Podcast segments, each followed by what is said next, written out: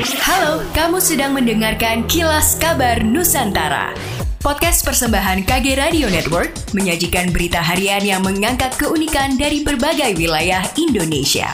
Kilas Kabar Nusantara dapat juga didukung oleh pengiklan loh.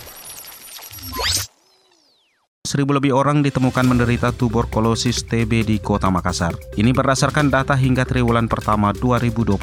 Mereka masih dalam proses penanganan dan penyembuhan. Kepala Seksi Penanggulangan Penyakit Menular P2M Dinkes Makassar, Dr. Andi Mariani mengatakan, upaya efektif dalam mencegah penularan adalah dengan memeriksa orang yang memiliki gejala TB. Ini untuk segera diobati hingga sembuh. Olehnya dia menargetkan menemukan kasus sebanyak-banyaknya. Dia menjelaskan dalam temuan satu pasien TB harus ditemukan dan diperiksa minimal kontak kontak 10 orang, itu baik keluarga, tetangga, dan lainnya atau berkontak dengan penderita secara langsung.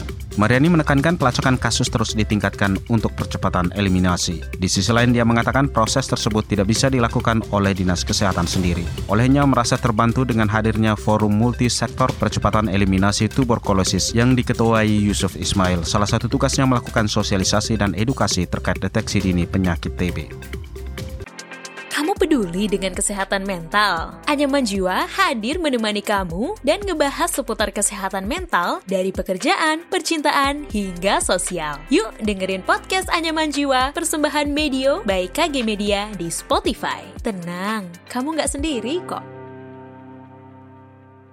Warga Palembang dihimbau waspada, hal tersebut usai ditemukannya terasi dengan kandungan bahan pewarna berbahaya atau radamin B terjual bebas di pasar tradisional Palembang.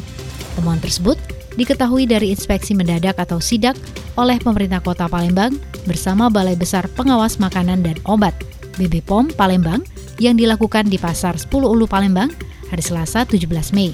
Terasi tersebut ditemukan di enam toko berbeda, yang mana salah satunya sudah dua kali ditemukan menjual terasi dengan kandungan rodamin B tersebut. Oleh sebab itu, Vinda menginstruksikan kepada BB POM Palembang untuk menguji lebih dalam terasi tersebut untuk membuktikan benar mengandung rodamin B.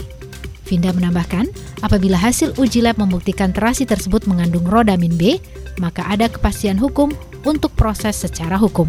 Setelah sukses diterapkan di Pulau Jawa, aplikasi Samsat Digital Nasional atau Signal segera diluncurkan di Kalimantan Selatan. Layanan resmi milik Korps Lalu Lintas Korlantas Polri tersebut didesain untuk lebih memudahkan dalam melakukan transaksi pembayaran. Kepala Bidang Pengelolaan Pajak Daerah Bakuda Kalimantan Selatan Rustamaji mengatakan, peluncuran aplikasi Signal mulai dicanangkan bersama mitra kerja di Polda Kalsel. Dijelaskannya layanan aplikasi tersebut terintegrasi dengan smartphone yang diharapkan bukan hanya mampu digunakan oleh kaum milenial, tapi juga seluruh kalangan. Ia menyebutkan aplikasi Signal sangat diakui membantu penggunanya dalam melakukan transaksi pembayaran khusus pajak kendaraan bermotor atau PKB tahunan dalam satu sentuhan di telepon pintar. Hebatnya lagi pengesahan STNK tahunan juga sudah bisa dilakukan lewat aplikasi Signal.